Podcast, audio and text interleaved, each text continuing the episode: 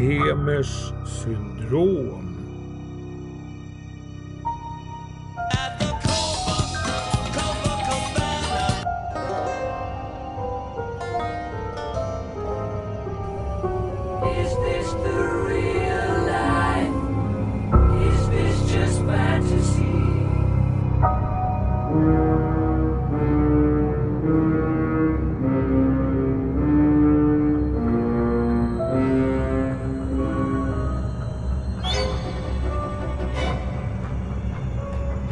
Pemel i full frihet. Welcome! Pemel syndrom firar ett år. Idag är det 13 månader sedan eh, trailern släpptes och ett år sedan första avsnittet. De allra senaste veckorna har intentionen varit att se till att eh, tajma in sjunde avsnittet på ettårsdagen. Och i allra sista stund kastar jag yvigt in två noveller under lite oklara former. De är hittills så vitt känt attribuerade till pseudonymen Henrik Ekman Krok, vars verkliga identitet inte är helt klar, men lär finnas i min bekantskapskrets. Jag tror till och med att jag vet väldigt väl vem det är. I övrigt blir det idag även lite fredagen den 13, Facebook och sedermera även appspelet Criminal Case och min egen dikt Livet är en korridor. Däremot varken något autism MPF eller släktforskning. Men det blir det nog mer av i nästa avsnitt.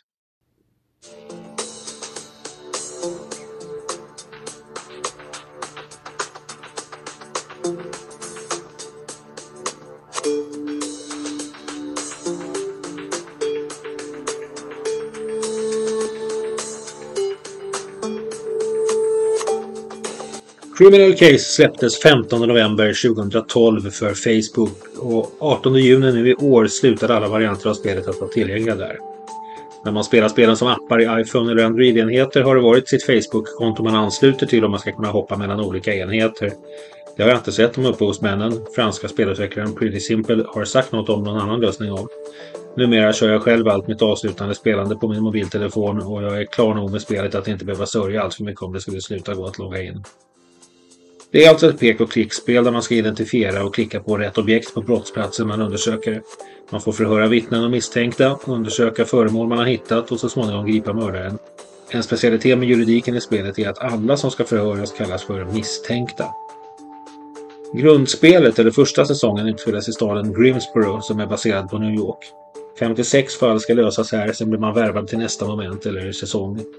De olika säsonger som följde efter den första var ursprungligen enbart delar av huvudspelet och vi som har börjat spela spelet tillräckligt tidigt har alltid haft möjlighet att resa mellan alla säsonger i själva ursprungsspelet som rätt och slätt heter Criminal Case.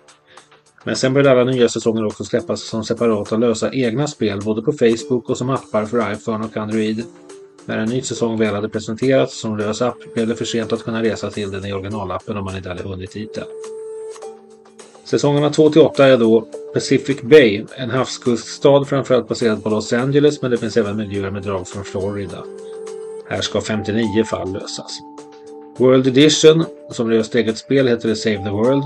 Nu är man värvad till den internationella byrån och gör en resa runt hela världen, 56 fall.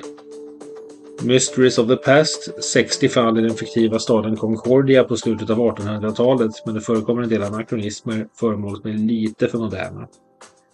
The Conspiracy tillbaka till Grimsboro fem år efter händelserna i första säsongen. Ett år tidigare har ett rymdskepp störtat i staden och mycket konstigt har skett. 60 fall. De tre sista säsongerna är kortare i fråga om antal fall som ska lösas. Nummer 6 är Travel in Time, där vi värvas till tidspolisen, The Temporal Investigation Management and Exploration Agency, fyndigt förkortat till TIME. 30 fall, liksom i Supernatural Investigations, där det blir resande över USA för fall som gäller vampyrer, spöken, varulvar, häxor och så vidare. Upphovsmännen avslutade på hemmaplan med säsongen Paris City of Romance som släpptes i juni 2020. Tanken var 30 fall även här, men inte så många veckor i förväg kom ett besked att man skulle avsluta i förtid och korta ner Paris-säsongen. Det stannade vid 17 fall och totalt 368 i hela spelet. Det sista fallet släpptes därmed den 21 januari 2021. När man har löst ett fall en gång kan man starta om det från början och lösa det en gång till. Inte en, utan två gånger. I varje fall har man nio brottsplatser som man kommer att behöva undersöka gång på gång för att den vägen samla ihop fem stjärnor på varje plats. Alltså totalt 45 sådana stjärnor per gång.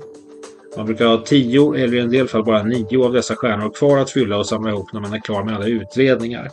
I det läget kan de sedan växlas in mot mer energi i spelet. Själv har jag spelat spelet ända i mål två gånger och håller på med tredje och sista gången nu. Det är mest en kul grej att jobba på att köra det tredje varvet ända in i kaklet men eh, det börjar faktiskt kännas jobbigt att hålla på med det bara för att. Mycket möjligt att jag lägger ner det snart. I sista säsongen i Paris har jag avslutat alla utredningar i alla 17 fall den andra gången men inte plockat de sista stjärnorna mer än i fall nummer ett. Det tredje varvet är framme knappt halvvägs in i tredje säsongen World Edition där jag just nu håller på parallellt med fallen nummer 27 till 30. Man kan ha upp till tre fall öppna samtidigt där man ännu inte har gripit mördaren. Så fort man passerar det momentet i ett av de fallen kan man starta om ytterligare ett fall från början. Ja, vi får se. En del av mig vill ju fullborda spelet men en del av mig kan ganska ofta tycka att det är rätt långrandigt vid det här laget. Jag är ju klar med det. Men det har varit en rolig följeslagare.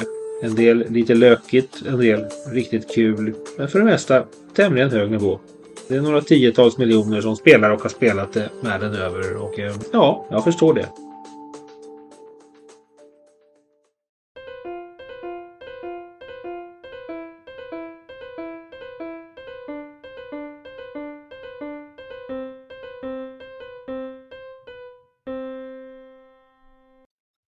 Jobbintervjun Henrik Ekman Krok David Stora Mossen, Bromma, onsdag 10 och 12.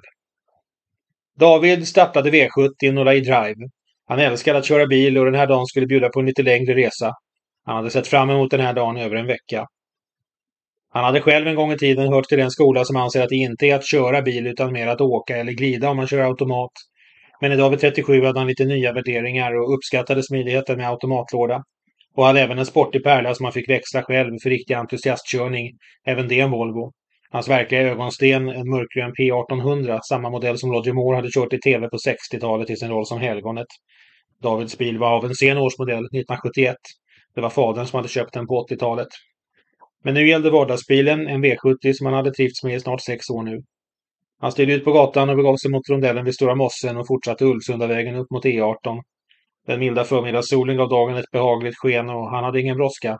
Den tid han hade att passa var inte förrän klockan 14.00 i Skultuna. Med en lugn rörelse tog han en klunk av sitt kaffe och placerade muggen tillbaka i mugghållaren. Han hade en bra och förväntansfull känsla inför den kommande jobbintervjun, men han insåg att han behövde dubbelkolla företagarens namn. Rickard Stenvall... Nej, Hedvall var det nog. Rinkeby passerades i periferin när han svängde mot Enköping. Han tog ytterligare en klunk kaffe och kom äntligen ihåg att starta spellistan Favoriter i bilens mediacenter. Strax före Stäketbron körde han om en fin gammal Amazon. Han blev alldeles varm inombords av att se en sån pärla. Morföräldrarna hade haft en Amazon i liknande färg när han var liten. När han nyss hade passerat Ekolsund började Bohemian Rhapsody på spellistan. En låt han verkligen älskade. Han sjöng och nynnade med. Som han avundades sin far och farbror som hade sett Queen uppträda live back in the day när Freddie Mercury levde. Själv var David född bara några år innan den ikoniska rocklegenden gick ur tiden. Strax efter Grillby var rapsodin till ända, men efter den i listan kom The Show Must Go On. Han kom in i Västerås och kunde kasta blickar först åt det håll där han själv hade vuxit upp sina första tio år och sen åt ett annat där fadern var uppvuxen och där han hade några dimmiga minnen av besök hos farföräldrarna när han var liten. Mot slutet av motorvägssträckningen genom staden blev det dags att svänga mot Surahammar och Ramnäs. En knapp halvtimme senare stannade han framför morföräldrarnas tidigare hus, som han numera ägde. Klockan var inte halv tolv ännu. Han gick en vända genom huset och kollade att allt såg bra ut. Han hade varit här senast för omkring tre veckor sedan det verkade vara den ordning han hade lämnat i, som man kunde förvänta sig. Det stod oftast tomt och orört just nu, men en kusin i Tillberga hade nyckel om något akutläge skulle uppstå. Eller om någon skulle behöva en sovplats i trakten. Men det hade aldrig varit aktuellt sedan han ärvde huset något år tidigare. Han gick in på båda toaletterna och spolade dem och kollade kylskåpet som var i det närmaste helt tomt som vanligt. Kylen var åtminstone påslagen, men frysen var avstängd. Han satte sig ner i vardagsrumssoffan och filosoferade en stund. Det var verkligen en väldigt intressant jobbmöjlighet han hade hört talas om här i gamla Västmanland. Vid en sväng ut i köket fick han plötsligt ett väldigt tydligt minne av en middag här en gång med mormor och mamma då de hade ätit makaroner med falukorv. Han kom inte på varför just det tillfället gjorde sig påmint, men korv och makaroner var något han fortfarande gärna lagade till, någon gång i månaden eller så. Det kanske kunde vara aktuellt snart igen. Inte långt senare kände han sig nöjd med sin husesyn och gick ut, låste huset och körde iväg igen. Väg 66 tillbaka söderut och Gunnelbovägen in mot Ramnäs. Han blev alltid på gott humör av att passera platsen med namnet Roligheten. Han fortsatte Bergslagsvägen ner till Skultunavägen. Den här vägen hade han inte kört på väldigt länge, men om saker gick som han hoppades skulle det snart kunna bli hans väg till jobbet. Hon stod precis efter kurvan efter vägen mot Svanå. En mörkblå BMW, en kvinna med mörkblont hår som stod bredvid. Han saktade in, hon log vänligt. Han stannade helt och tryckte på förardörrens knapp för att sänka rutan på passagerarsidan. Hon var väldigt söt, såg ut att vara strax över 30. Han hoppades innerligt att han kunde hjälpa henne. Soppatorsk? Japp, kan du hjälpa en dam med nöd? Kanske stenmack var något? Ja, en mack låter rätt bra. De småskrattade. Hoppa in. Hon hoppade in och räckte fram en hand med snygga långa naglar målade vinröda. Han tog hennes hand, log och såg henne i ögonen. Kristel presenterade hon sig. David, hej. Kristel? Känner en tjej i skolan som heter Christer. Eller heter, hoppas jag. Trevligt. Jag har aldrig träffat någon annan Christer själv. Ni verkar vara riktigt trevliga, får jag säga. Så du gillade henne? Ja då, hon gick en klass under mig och vi bodde i samma port. Vi har i alla fall lekt när vi var rätt små. Och du gillar mig? Ha, ja, så här långt. Jag vet ju inte så mycket om dig, men du ser hemskt trevlig ut. Tack, antar jag. Det lät som en komplimang. Kanske försiktig sån. Ja, kanske det. Ja, du är... Äh, vad fan, tänkte han för sig själv. Du är söt. Vad gullig du är. Du är också söt. Han hoppades att han inte rodnade. Det gick i varje fall bra att fortsätta konversera den söta Kristel. Söt var inte ordet förresten. Jävlar vad snygg hon var. Strax efter ändrade han sig ännu en gång. Vacker. Väldigt vacker. Den perfekta manikyren höjde intrycket ännu mer. Han var svag för riktigt välvårdade naglar och tyckte det var rasande snyggt. Han gjorde klart att han självklart också skulle köra henne tillbaka till hennes bil, vilket hon inte alls verkade ha tagit för givet. Men det syntes att hon uppskattade det. Hon gav honom ett leende som kändes som att solen gick upp där i bilen. När de var framme inne i Skultuna frågade hon om han hade ätit lunch ännu. Nej. Kan inte jag få tacka för hjälpen med att bjuda på lunch? Det fanns inget att tveka om. Jo, ja tack, gärna. Han hoppades att han inte verkade för ivrig. Pizzerian på Västeråsvägen fick sig ett besök. David lät sig bjudas på en kebabtallrik medan Kristel tog sig en calzone. Så eh, vad är du ute på för äventyr, David? På väg till en jobbintervju faktiskt. Oj, spännande. Vad är det för jobb? Ett väldigt intressant. Jag hoppas verkligen mycket på det. En konsultfirma som håller på med ett projekt med en ny byggteknik som verkar skithäftig faktiskt. Aha. Och du är? Jag är civilingenjör med inriktning industriteknik. Har jobbat med projektledning ganska mycket. Bor du i trakten? Jag bor i Bromma sedan länge, men jag har hus här också utanför Ramnäs. Det var mina morföräldrars, min mamma är uppvuxen där. Så jag kommer att kunna bo i trakten om jag får det här uppdraget. Det är inte helt klart, men det verkar vara en bra chans att det kan bli ganska långvarigt, ett år eller till och med mer. Och jag har en hel del idéer som gör att jag tror att det kan bli superbra och kan få det här projektet att flyga. Jag kände att det här var en häftig grej att få vara med om, om jag nu får det. Oj, vilken stark presentation. Lova att du får fram den lika bra på intervjun, då borde du vara hemma. Jag hoppas verkligen det. Att det är ett lokalt företag här i trakten där jag har mina rötter känns jättelockande. Jag hoppas det ska klicka bra. Jag hade svårt att hinna läsa på med entreprenören själv och ibland har jag tydligen pinsamt svårt för namn. Jag blandar ihop en del namn med andra. Rickard någonting tror jag. Så du är uppvuxen här i Västmanland? Västerås från början.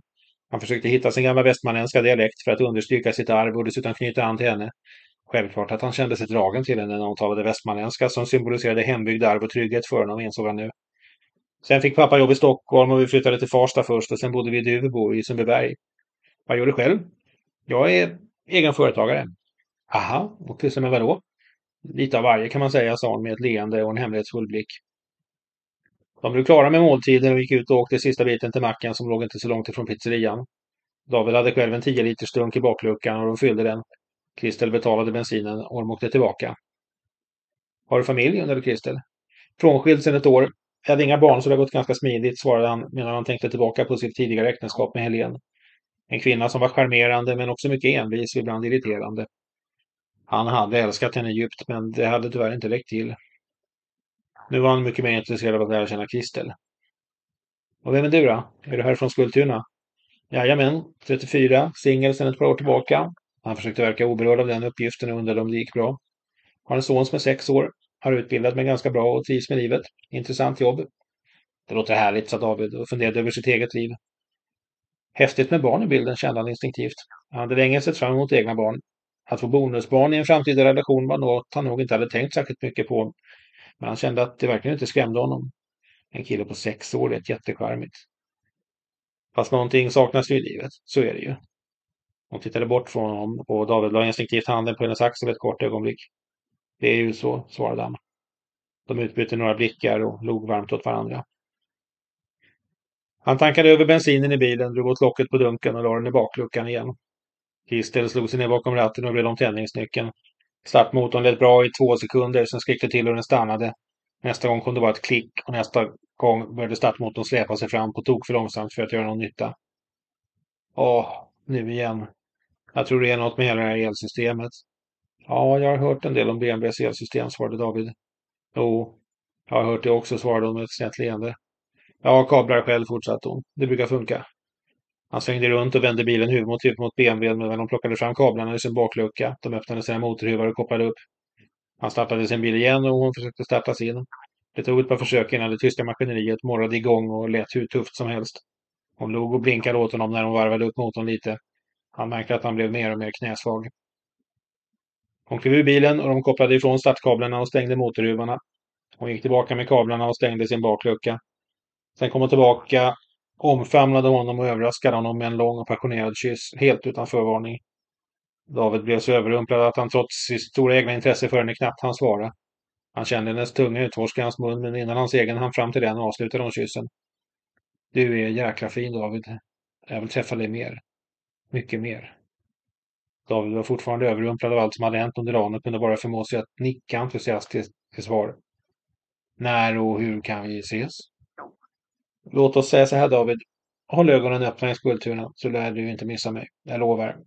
Hon gav honom en puss på munnen och en till. Den andra hann han besvara. Du ser det, lär inte missa dig. Han låg varmt. Inte en chans. Hon skrattade till. Jag ska åka till mitt jobb nu men jag ska tänka på dig och hålla tummarna. Hon såg ut att komma på något och skena upp. Ett nytt varmt leende. Vet du, jag tror du kommer få tjänsten. Jag känner det på mig. Hon gav honom en puss på kinden den här gången, hoppade in i bilen, backade någon meter för att komma förbi Volvon och gasade iväg längs Skultunavägen. David satte sig i bilen som ju fortfarande stod nästan mitt i körbanan mot Skultunahållet men vänd mot färdriktningen. Han var helt överväldigad hur dagen hade utvecklats. Han undrade nästan om han hade drömt alltihop men kunde känna minnet av hennes kyss brinna i hans läppar. Det var utan tvekan verklighet. En bil som närmade sig på vägen och tutade ilsket tvingade honom ur hans förundran. Han skakade på huvudet, gjorde en ursäktande gest och började vända sin bil, redo för nästa äventyr i Skultuna. Nu var det bara en halvtimme kvar till jobbintervjun. Han hittade rätt adress och parkerade. Snett emot på andra sidan gatan stod Christers BMW parkerad. Han brast ut i skratt och började fundera över hur litet Skultuna egentligen var. Men nu började något knaga i hans skalle. Han klev ur bilen och plockade fram portföljen som låg i baksätet. Vad hette han i efternamn nu då, denne Rickard? Just då drabbades han av en insikt och tog sig för pannan. Det här var bara för mycket. Han hade ju alltid haft en benägenhet att förväxla namnen Rickard och Christer. Och han mindes plötsligt varför. Tvillingbröderna Rickard och Christer som hade gått två klasser över honom på Kvickenstorpsskolan. Storebröder till hans klasskamrat och kompis Magnus. Och om namnet inte var Rickard utan Christer hade han alltså inte ens läst rätt under all korrespondens om det här jobbet. Så pinsamt. Han öppnade portföljen och såg genast namnet Kristel Hedvall lysa som en eldskrift på det översta pappret, det första han såg. Han kunde bara skaka på huvudet. Han kollade adressen igen och det var förstås porten precis bredvid Kristels bil. Såklart. Han fick en känsla av att någon iakttog honom. Han tittade upp, såg ett fönster på andra våningen och där stod Kristel med ett leende som gav honom fjärilar i magen. Nu insåg han sin situation fullt ut och begav sig mot porten med en känsla av både spänning och förväntan.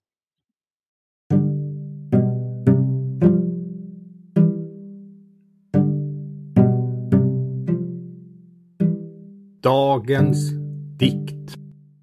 Idag, i sjunde sändningen, återgår jag för första gången sedan premiäravsnittet till en egen dikt. Livet är en korridor. Rekonstruerad måndag 19 februari 2018 från en förkommen liknande dikt skriven cirka 1994. Eller om det var senare. Livet är en korridor. Ett myller av korridorer. Ett virvar, en labyrint av slingrande korridorer. Ett gigantiskt komplex av korridorer. Ibland kan man hitta nycklar. Ibland kommer vi till dörrar.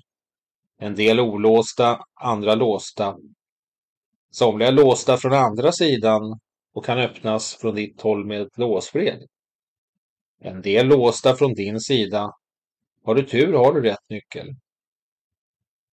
Oftast är livet snitslat så att du kommer till dörrar som du kan ta dig igenom. Men somliga kan bli inlåsta i avstängda prång. Där du kom in genom en dörr låst från andra sidan som du fick upp med låsfelet på dörrens insida.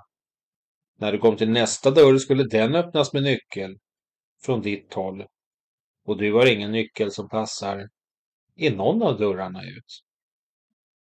Livet har korridorer utan nycklar ut ur dem. Man tror inte att det ska kunna gå. Men det händer för några få. Säg varför. Är det så?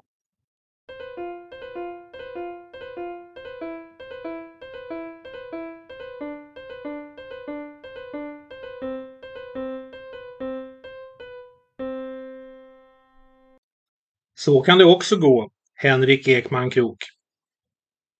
Kristel, Kronjutarvägen, Skultuna, onsdag 7.37.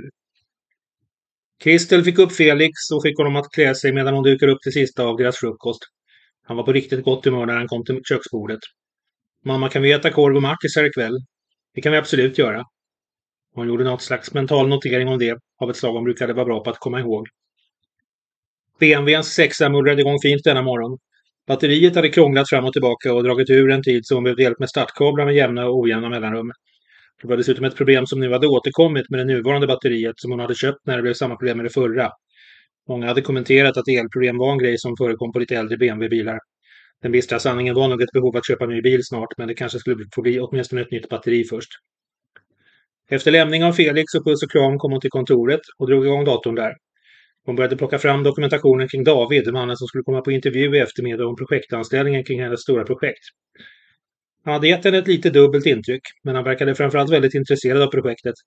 Bodde i Stockholm, men verkade väldigt öppen för om det nu handlade om pendling eller miljöombyte. Det skulle bli intressant att höra hur han tänkte kring det. Född 86, så han var 37 år.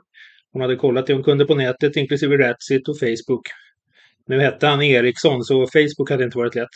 Men en David Eriksson i Bromma verkade kunna stämma in. Den mannen såg olidligt bra ut.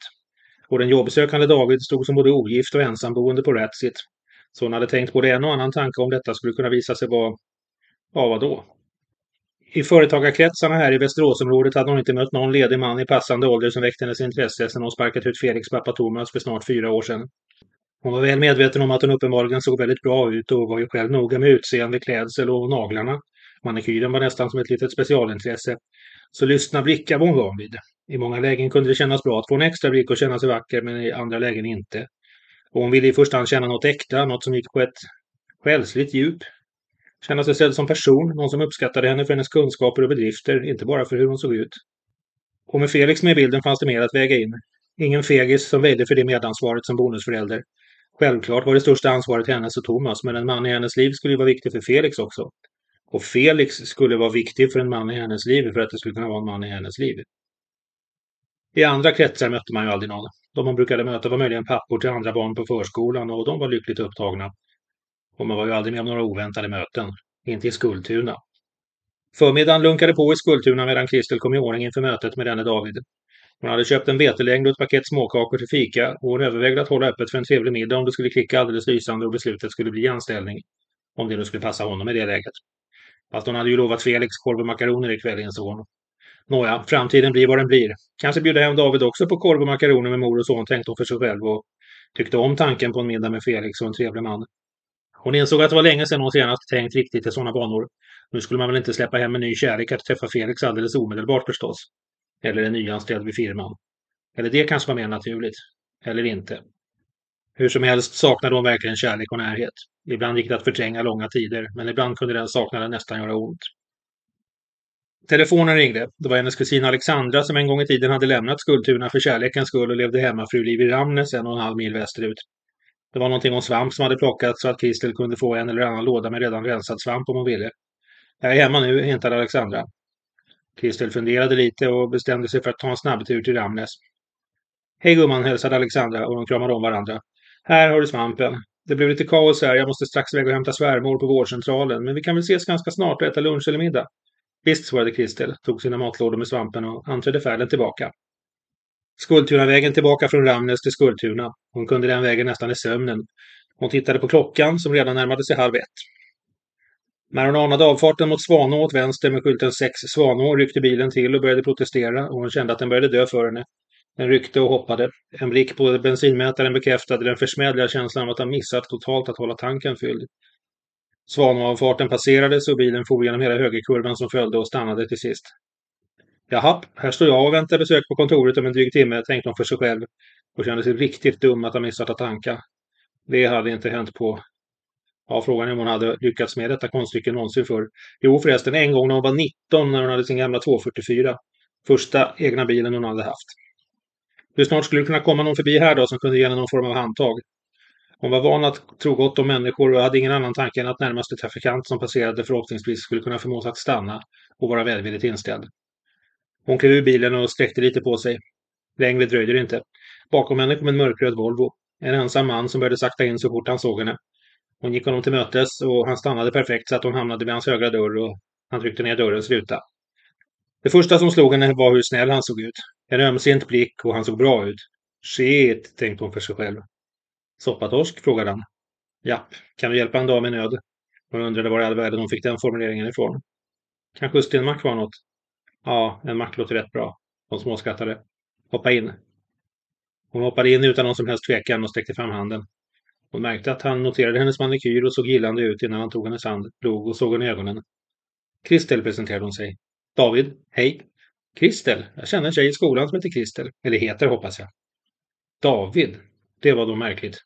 Det kunde väl ändå inte vara den David hon väntade på. Han borde ju inte komma den här vägen från Ramnäs.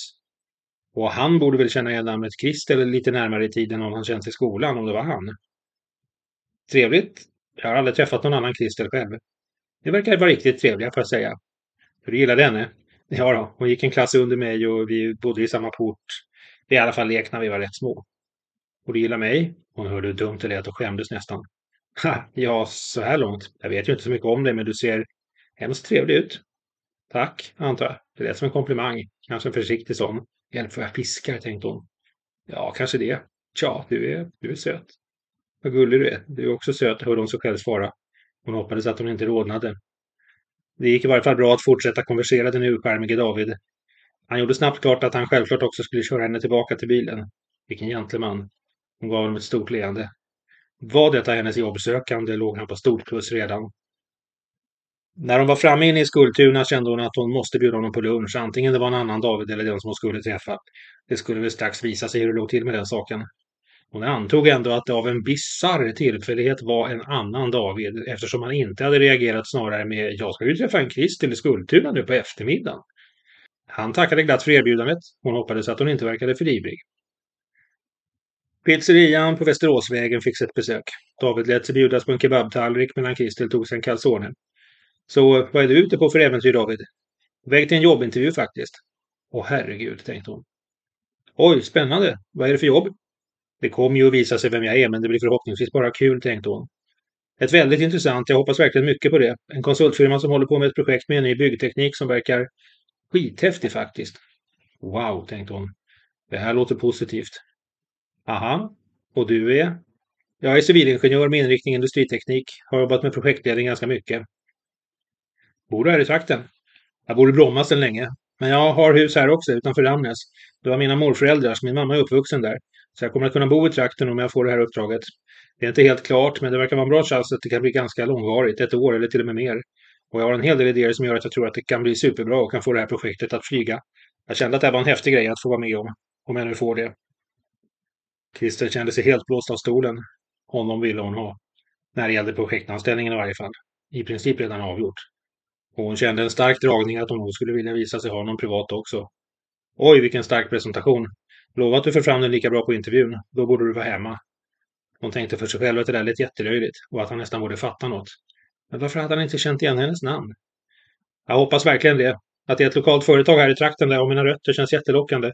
Jag hoppas det ska klicka bra. Jag hade svårt att hinna läsa på om entreprenören själv och ibland har jag tydligen pinsamt svårt för namn. Blandar ihop en del namn med andra. Rickard någonting tror jag. Det förklarade ju saker. Men Rickard? Så du är uppvuxen här i Västmanland? Västerås från början. Nu gick han över till västmanländska och nu känner oss ännu mer attraherade av honom. Sen fick pappa jobb i Stockholm och vi flyttade till Farsta först och sen bodde vi i Duvbo i Sundbyberg. Vad gör du själv? Ja, det var väl naturligt att han hade övergått till stockholmska om familjen hade flyttat till Stockholm och Farsta när den var relativt liten. Och nu var de alltså framme vid vad hon pysslade med. Kunde de styra upp det här riktigt roligt nu? Jag är egen företagare. Aha. Och pysslar med vadå? Lite av varje kan man säga, kläckte hon ur sig. De åt upp och gick ut och åkte sista biten till macken.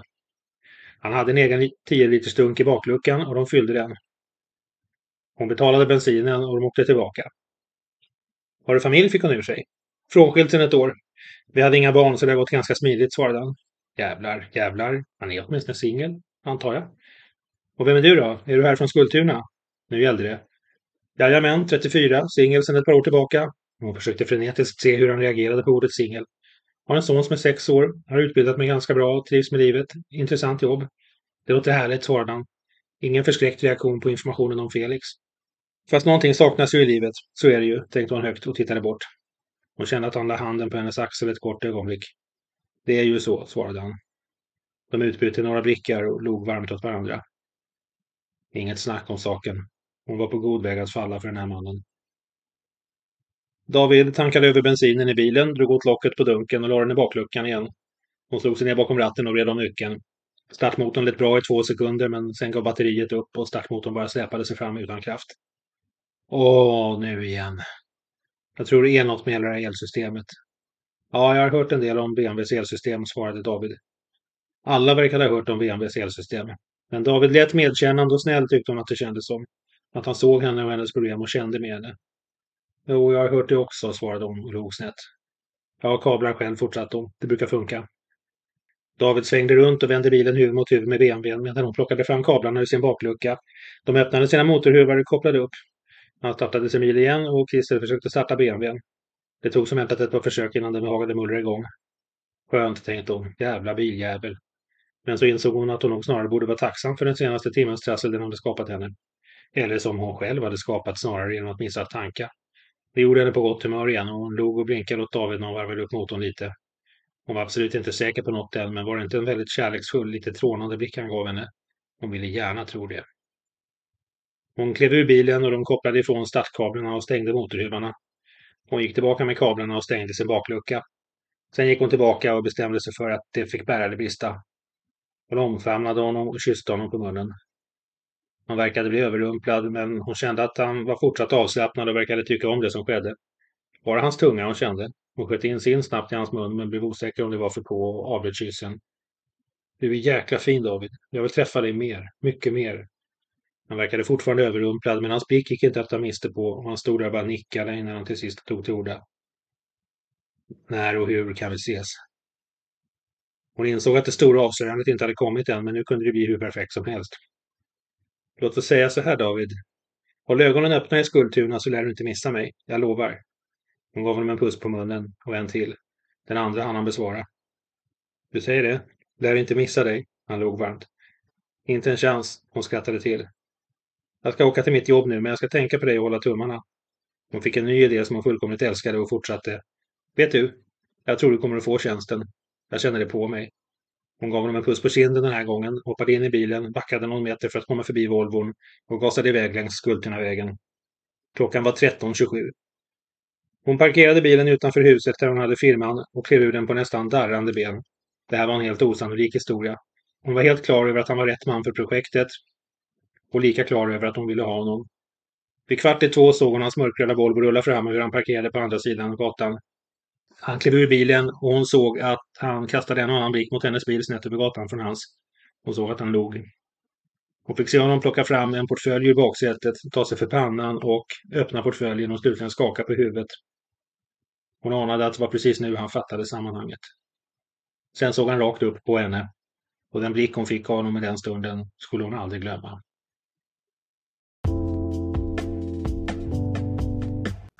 Ja, där fullbordade vi ett år med sju avsnitt. Två gånger har det inte varit mer än en vecka eller väldigt nära.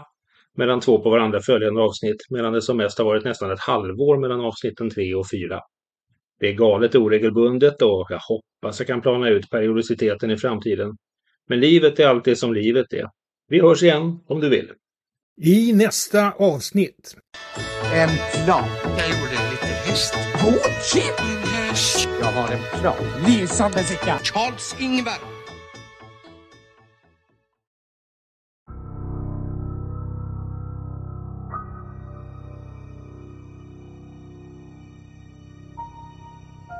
Copacabana med Barry Manilow. Joby Talbots inspelning av Eagles Journey of the Sorcerer från Hitchhiker's Guide-filmen från 2005. Queen med Bohemian Rhapsody förstås.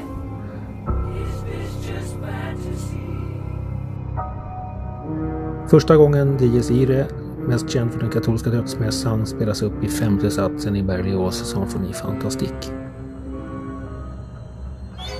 På signaturen till den första fredagen den 13 filmen 1980.